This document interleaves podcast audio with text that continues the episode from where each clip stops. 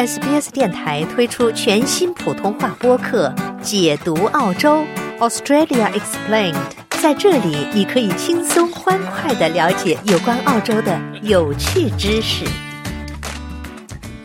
听众朋友们，您现在正在收听的是 SBS 电台的中文普通话节目，我是雨夜。那今天呢，我们是请到了两位中文的教育者，他们在墨尔本呢是运营着一家。名字叫做 A Little Chinese Adventure 的这样一个中文启蒙教育的机构。那我们今天请到机构的晶晶以及 Jenny 来和我们分享一下有关于他们相关的故事。两位好，雨夜你好，我是 Jenny。雨夜你好，我是晶晶。嗯，非常感谢两位来参与我们的节目。可以请两位先简单的来自我介绍一下吗？大家好，呃，我叫 Jenny。那我呢是从二零零八年来到澳大利亚来读教育专业，毕业了以后呢，我就开始在做中文的亲子小组。大概是二零一一年的时候，受图书馆的邀请，开始在 Clayton 图书馆开始做中文故事会。大家好，我是晶晶，我是二零零六年来墨尔本的。之前呢，我是在上海美国学校当中文老师。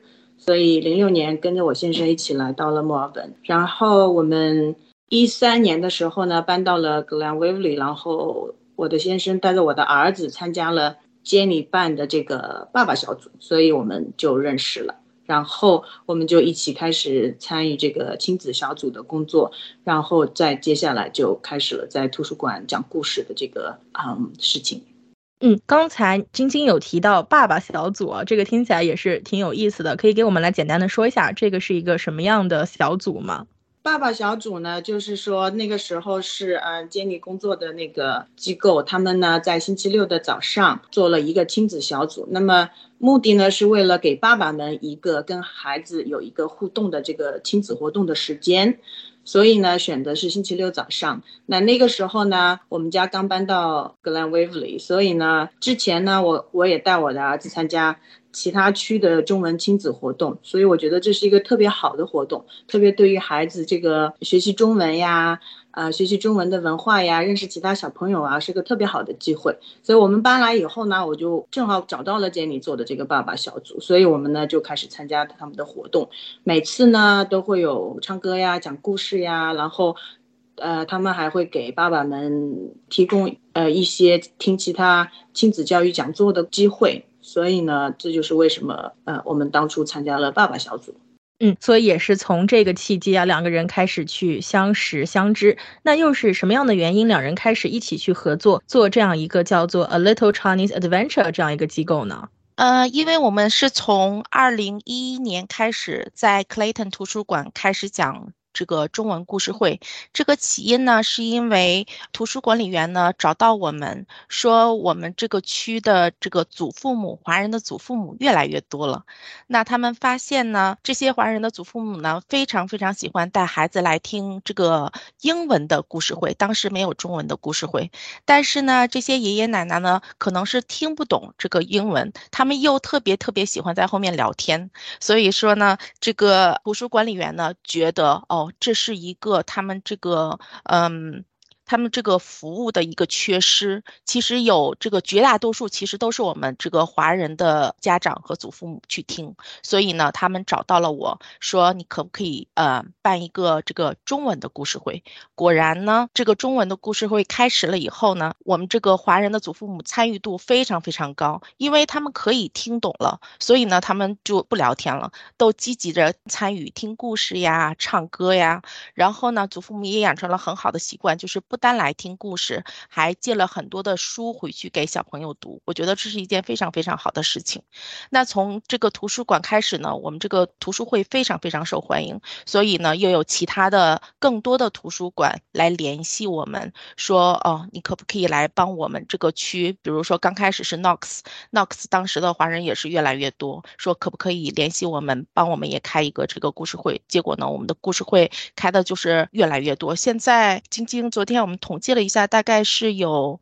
十一个图书馆在做这种每一周或者是每两周的这个故事会，中文故事会。然后呢，我和晶晶肯定是讲不过来这些的这么多图书馆的故事会嘛，所以呢，呃，我们又在不断的培训我们的这个老师，这些老师呢，其实也都是听了我们很久很久故事的这个妈妈们。那我们这些妈妈们呢，大概前前后后能有。七八位这个老师来给我们讲过故事，但这些妈妈们呢，都是从我们讲完故事了以后，然后呢开始自己学习，很多呢都是找到了这个自己称心如意的工作。现在是，嗯，听起来也是对墨尔本东南区的中文教育起到了一个相当于比较大的一个贡献，特别是可以去促进这个祖父母这一代啊和我们可能是华二代的这样一个连接的关系吧。那刚才我们也是说到了这个。机构创立的起源呢，是因为图书馆可能去没有提供一个中文故事会的这样一个服务。那我们为什么会想到给机构取 A Little Chinese Adventure 这样一个名字呢？这个中间的 little 是不是代表着我们是主要是面向一些比较低龄的华二代去提供这样一个服务呢？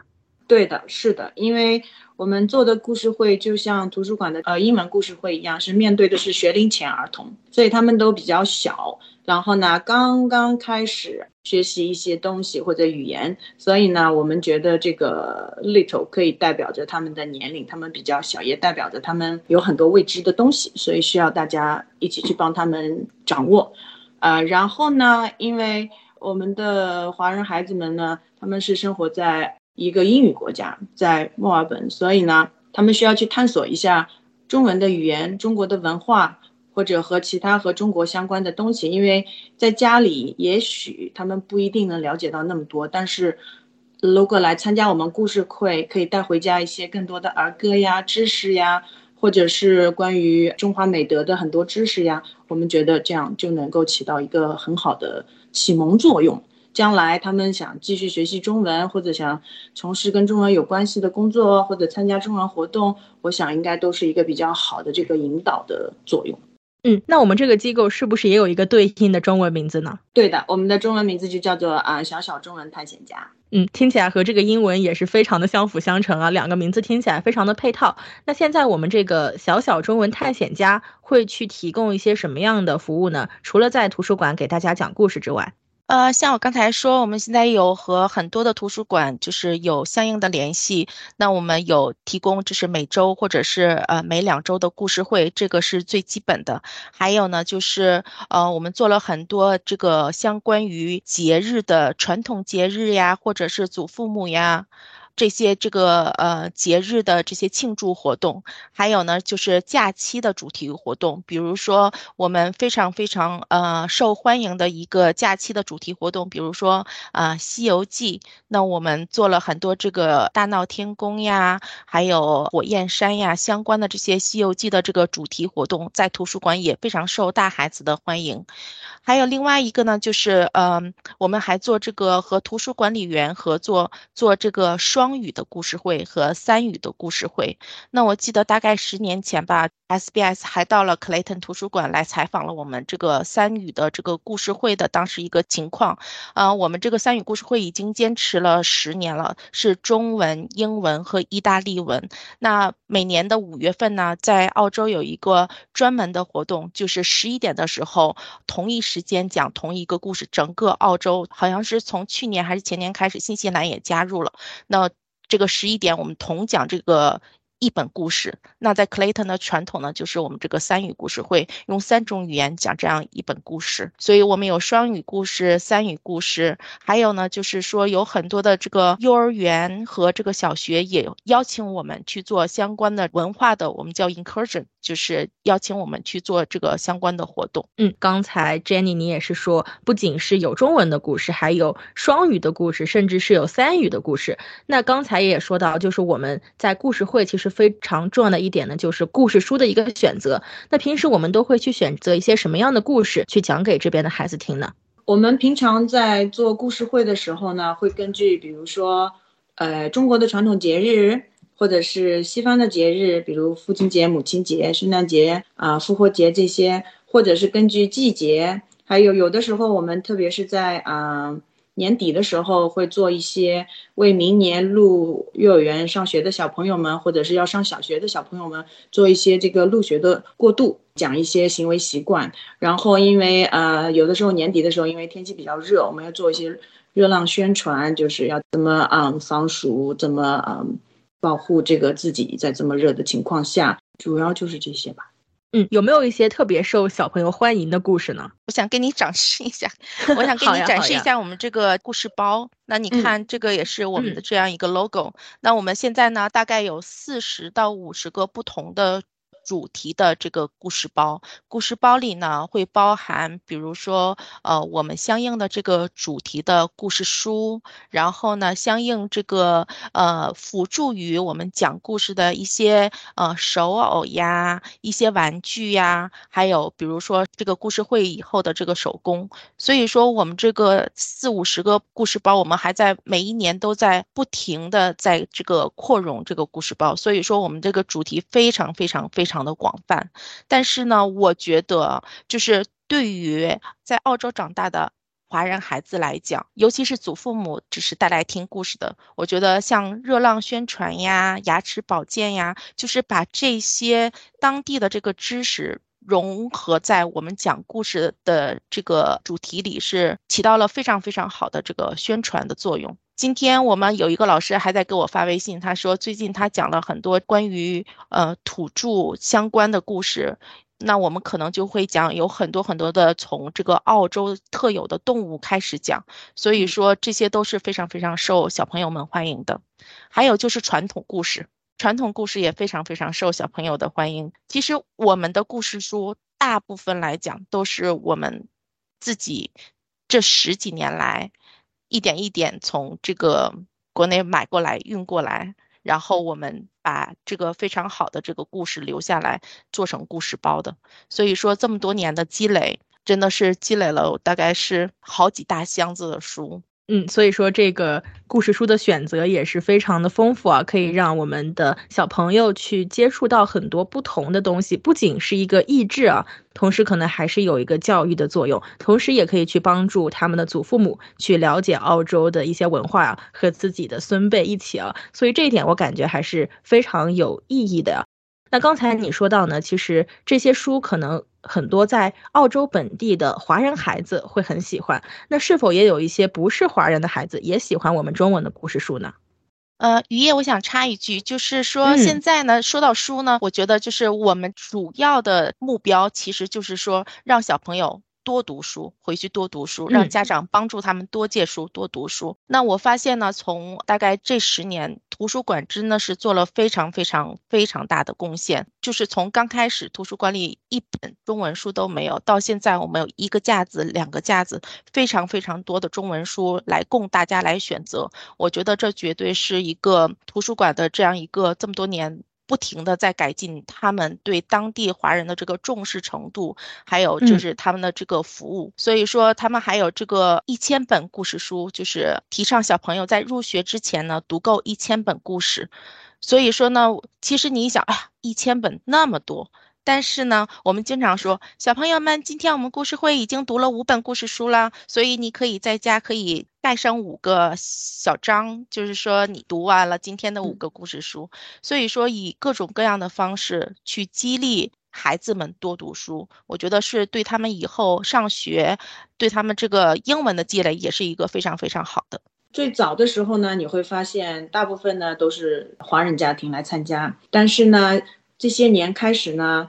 多了很多，比如说啊，混血儿宝宝的家庭，他们来参加。有的时候呢，也有啊纯英文背景的家庭来参加。因为呢，比如说，也许他们的爸爸妈妈或者爷爷奶奶、外公外婆可能学过中文，他想让孩子也接触一下这个外语，所以呢，这些年我们多了很多。不是纯中文家庭背景的孩子来参加，所以呢，这也是为什么我们呢给图书馆建议，我们可以多做一些双语故事会或者三语故事会，因为呢，主要的目的是想把这个最起初的中文故事会能够扩大影响到我们整个社区，不只是华人家庭，包括英语背景的家庭的孩子们，因为你看现在开设中文的学校。中文课程的学校也还是很多，所以呢，我们在想，如果学龄前的孩子们能够参加到我们这样的活动，那对于他以后中文学习或者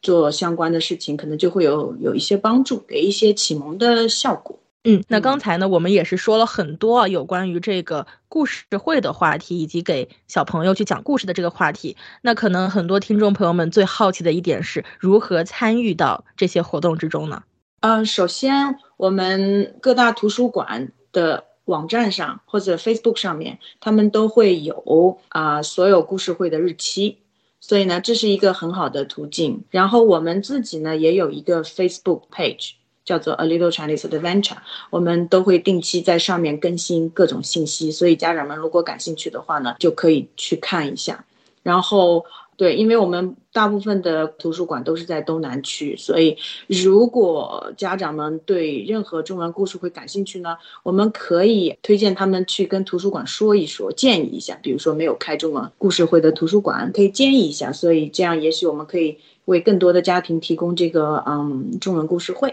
嗯，因为是图书馆邀请我们去做故事会，所以家长们呢是是免费的，你只要按照那个时间地点来就可以了。嗯，那刚才我们也是说到这个如何去参加故事会啊。那说到如果是我们在参加故事会之后，从晶晶和 Jenny 的观察来看，是不是感觉到孩子们对中文或者是中国文化有一个更加深入的了解呢？因为我们做很多这个中国新年的传统的庆祝呀，你会发现有很多小朋友他自发的就穿了很多，比如说小旗袍来呀，或者是中国的这个传统服装来呀。其实他是非常非常喜欢这样的一个活动。那我们这个故事会结束呢，还会有做相应的手工，比如说今年龙年我们会做龙年的头套呀，戴这个小头套，然后呢拎这个小灯笼。不光是小朋友自己，家长们我觉得都是非常非常喜。欢这样的这个相应的活动的，比如说我们庆祝端午节活动呀，小朋友做了一个小香包，哇，有的时候家长就反馈说，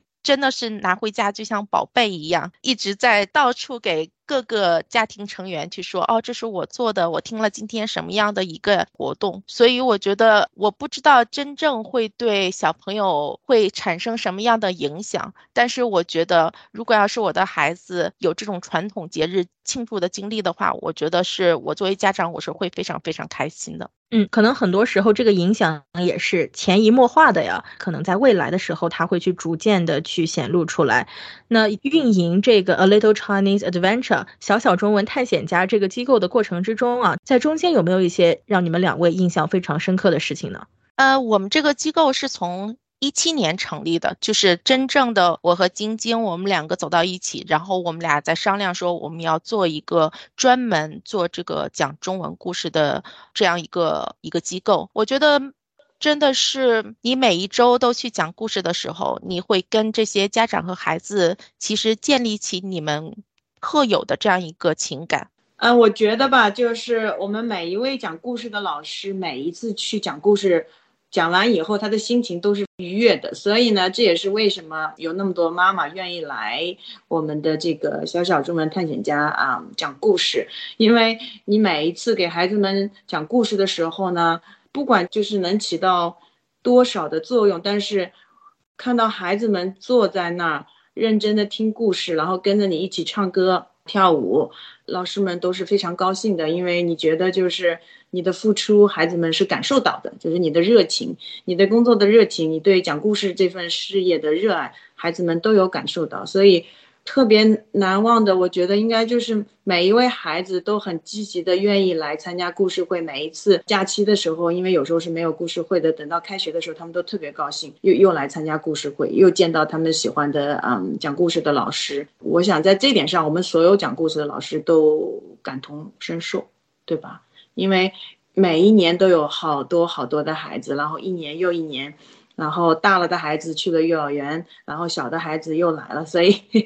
这么多年有非常非常多的孩子参加过我们的各种活动，所以我觉得应该我们的活动都给他们留下了很深刻的印象，对他们将来有一些帮助。嗯，晶晶，那你刚才也是提到啊，很多讲故事的老师呢，其实他们也是孩子的妈妈，这一点我们可以来着重的去讲一讲吗？嗯，可以啊，因为我跟 Jenny 当初。我们自己想做故事会的时候，我们最主要的一个目的是想帮助在家里的妈妈们可以走出家门，进入社会，就是没有那么感觉孤立的在家里，就是没有和社会接触的机会。所以这是我们最初最主要的一个目的。那事实证明呢，这个做法是很成功的。我们之前的老师们都是来听故事会的妈妈们，那他们本身就对这件事情很有热情，然后他们又热爱给孩子讲故事，所以对于孩子的这份爱是。非常浓的，所以呢，他们就愿意加入到我们。然后加入我们以后，他会发现，哎，他可以认识到更多的家长，然后交流心得，交流很多重要的信息，然后呢，帮助更多的妈妈们能走出家门，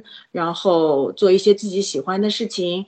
在兼顾家庭的情况下，又能做一点工作。所以呢，这一点就是特别好的。那么之前来我们故事会讲故事老师们呢？慢慢的，他们都学了幼教，然后呢，好多都去幼儿园工作了。所以在这一点上，我跟杰尼是非常高兴的，因为我们不想妈妈们只是在家里带孩子，如果可以做一些自己喜欢的事情，那为什么不做呢？对不对？所以在这点上，我觉得我们做的还是比较成功的。我们也希望更多的喜欢讲故事的妈妈们可以加入我们。嗯，我觉得这一点也是。可能是这个故事会存在的另外一个意义吧，不仅是帮助我们的小朋友们，也可以去帮助我们的一些华人妈妈，特别是可能是刚来澳洲不久的一些华人妈妈，去融入到澳洲社会，去找到一份可能自己比较想做的工作，也可以去帮助更多的这样一些小朋友去了解中国的文化。我觉得这个也是一个非常有意义的事情。我们总在说说我们的这个老师们的娃娃们都是非常非常幸福的，因为我们有严格的培。培训，我们每年都在给这个老师在做培训。那每一个老师呢，他都有他自己的材料包，像我们刚才讲的，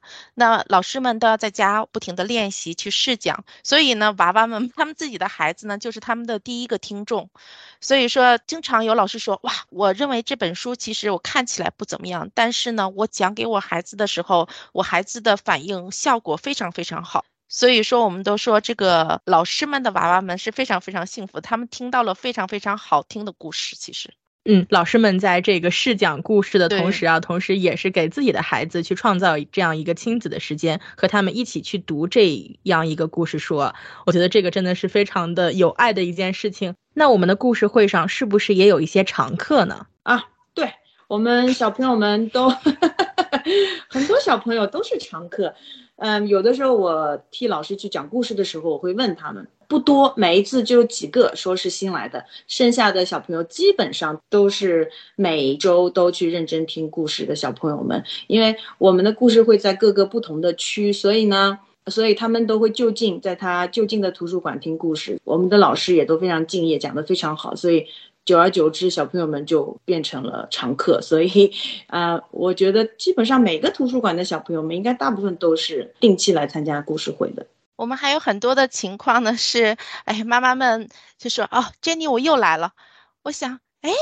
娃娃们不是上学了吗？他说，哦，这是我们家老二了。所以说，妈妈可能是刚开始带着老大来听故事，听了两年，然后呢，老大去幼儿园了或者上学了，哎，妈妈又生了一个老二，然后呢，持续又带着老二来听故事，经常有这样的故事来讲。嗯，所以说不仅是一个孩子，可能是一个家庭中的两个孩子、三个孩子都会参与到我们这个故事会之中啊，听起来可能也是一种小小的传承吧，可以说是。那说到这里，家长或者是社区对于我们这个小小中文探险家有一些什么样的反馈呢？持续了这么多年来做这个活动，我觉得就是一个最好的反馈。那我们每一年呢，可能还有呃新的故事会，比如说在今年的时候呢，Rovio 图书馆他又听取了这个我们家长的建议和意见，又开设了一个宝宝组。这个宝宝组呢是专门给小朋友，呃十二个月以下的小朋友开设的这样一个中文的故事会。所以说呢，就是我觉得这个是当地图书馆对我们的这样一个认可。经常我们每年要和这个图书管理员去开会，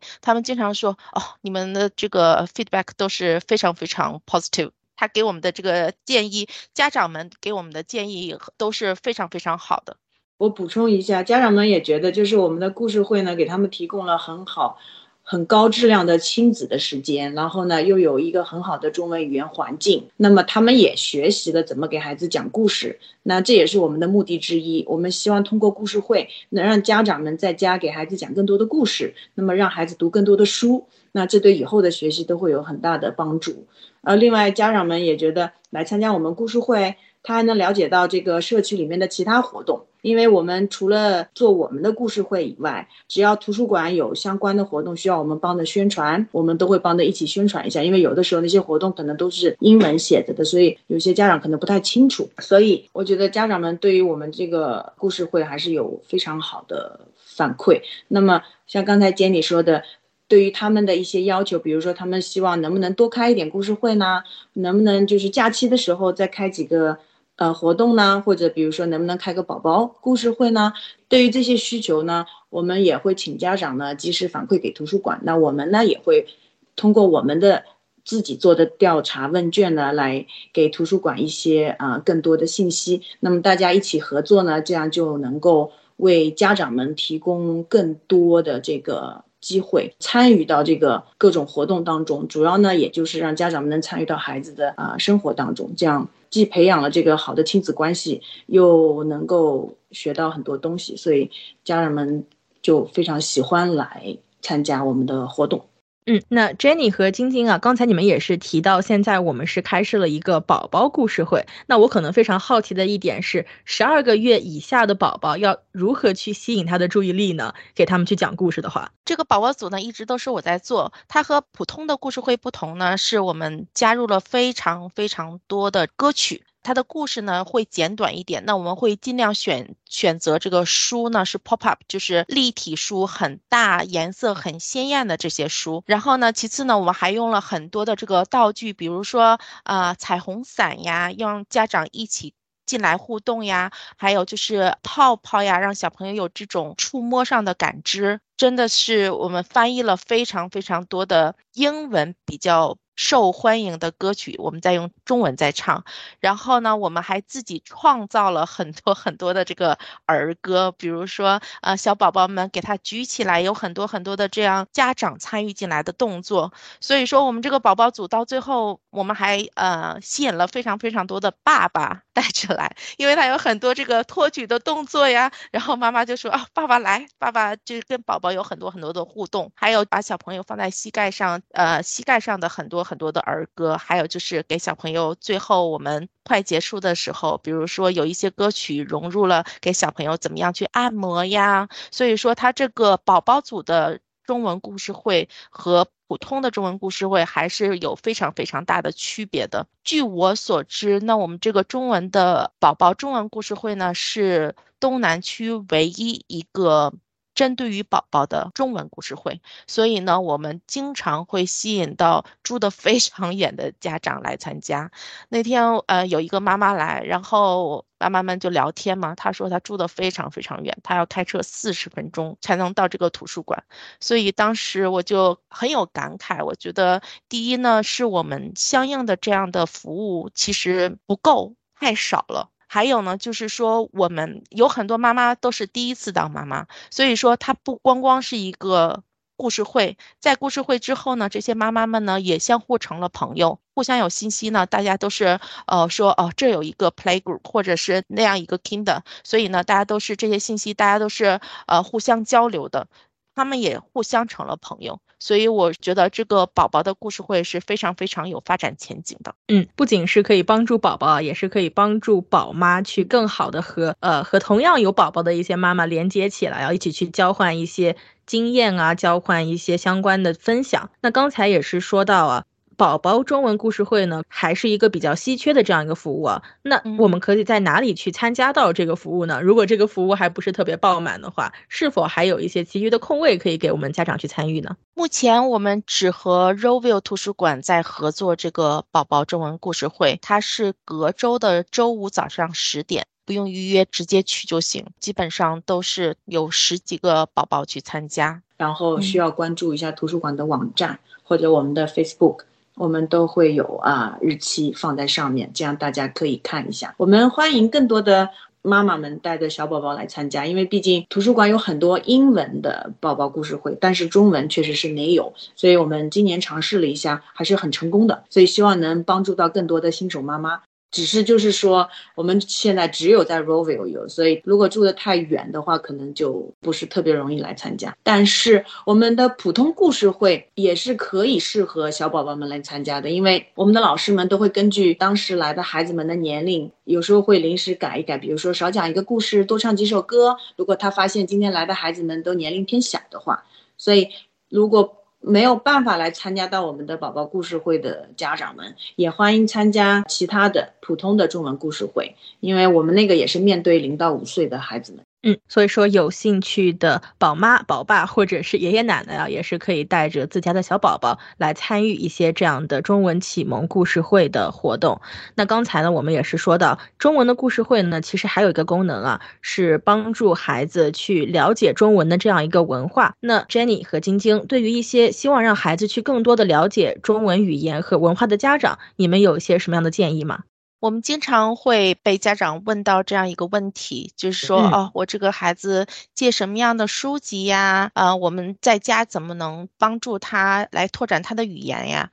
其实呢，我们真的是建议，比如说妈妈、爸爸第一语言是中文，那在家你就讲中文，不一定非要跟他讲英文。就是有很多妈妈、爸爸在担心说，哦，我的孩子如果上这个幼儿园不会讲英文，他要跟不上呀。其实小朋友都非常非常聪明的，所以说，呃，我们。有很多这种，就是说怎么样去帮助小朋友的这个语言拓展的这样一个相应的一些 tips 吧，经常会给到这个孩子们。还有就是说借什么样的一个书，呃，什么样的书籍比较好。这些的问题呢，其实我们都会指导这个家长在故事会之后。嗯，那可以在我们的节目中给我们稍微的去分享一些相关的经验吗？比如说，我们应该平时给小朋友看一些什么样的书比较好呢？小小朋友就是，嗯，要看一些像我刚才说的，比如说它的封面是硬皮儿的呀，不要用那种软皮儿的。然后呢，你不一定非要看中文书，就是你不一定说，哦，我一定要中文书我给他讲。其实英文也是一样的，像我们在故事会，我们经常会用到很多很多的英文书，但是呢，我们是用中文来讲。我经常说，我说只要是书借回去，你给他讲就是一本好书。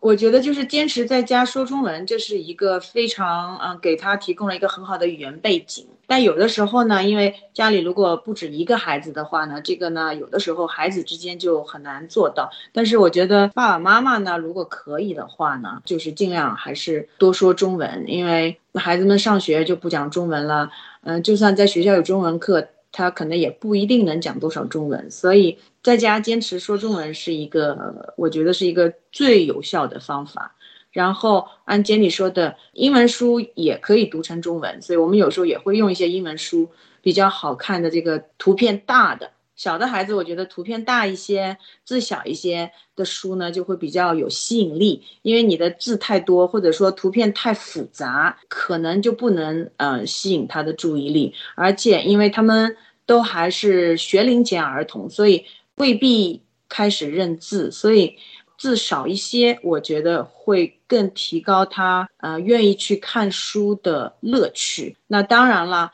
爸爸妈妈每天如果能坚持给孩子们读书，这肯定是一个非常好的方法。因为这个你几天可能看不出来，但是你坚持下去，你会发现孩子能养成一个特别好的阅读习惯。那么当他上了学前班的时候，这个区别就会非常大，这是我们看了这么多年各种孩子的情况以后，我们觉得这个是特别好的。那我觉得我自己就在我自己孩子身上 做的感觉没有那么好，那是因为以前经验不够，所以现在呢，我都会建议就是家长们多读书，中文、英文都好，都可以。然后呢，小一些的孩子呢，就是你要图片简单清楚。然后就像他们上了学前班读的那些书，他经常，如果你想让他认一些字，他经常会重复同样的词，或者像这样的书，我觉得也是挺好的。只是就是太复杂的书，我们可能就不太推荐了。第一，他听不懂，就是比如说太难的那些像四大名著那样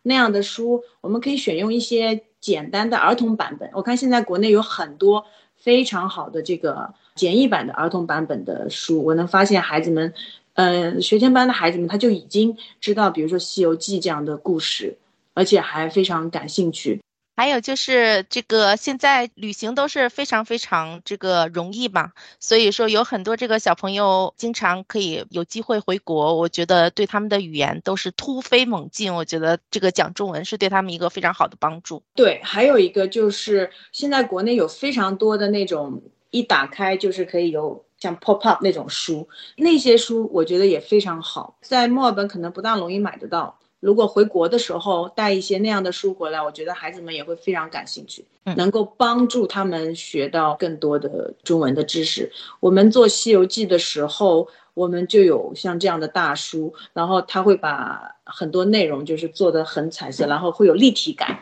所以呢，孩子们就比较感兴趣。另外，每一个中国节日呢，我们也都有这样的立体翻翻书，所以我觉得家长们如果就是现在回国都可以正常了的话。可以带一些这样的书回来，对于传统文化的学习，对于语言的学习，我觉得都会有很大的帮助的。嗯，也是非常感谢 Jenny 和晶晶给我们分享一些啊低龄儿童学中文的这样一些小 tips 啊，小小的这些经历，小小的小贴士。那我们再说回我们这个小小中文探险家，对未来你们是否有一些新的计划或者想法呢？那刚才也说我们是有拓展服务到这个宝宝读书会，那是否之后还有一些另外的计划呢？因为我和晶晶还有我们就是也都是在上班，所以说呢，我们感觉没有这个足够的精力去再去做这个新的区域。但是呢，我们是希望在这个墨尔本，只要是有华人的地区，我们需要，我们希望可以做到更多的这样一个啊中文故事会在当地的图书馆。这样的话就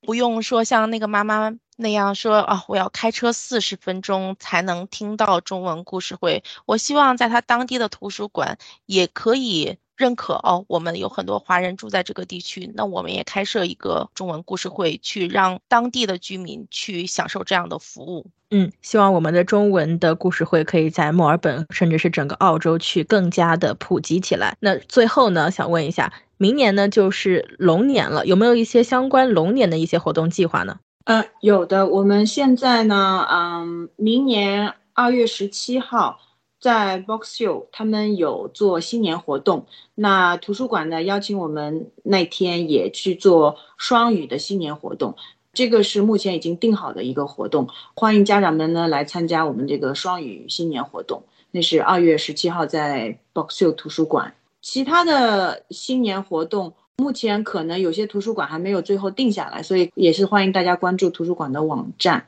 和我们的 Facebook page。嗯，好的，谢谢晶晶，也是非常感谢 Jenny 呢，今天给我们带来的相关的分享。我也是从跟两位的聊天之中呢，去了解到了中文启蒙教育啊，在澳洲的一些发展，以及其中的一些人和事。非常谢谢两位，谢谢雨燕，谢谢。了解澳洲，融入澳洲，欢迎登录 sbs 点 com 点 au 前斜杠 language 前斜杠 mandarin，获取更多澳大利亚新闻和资讯。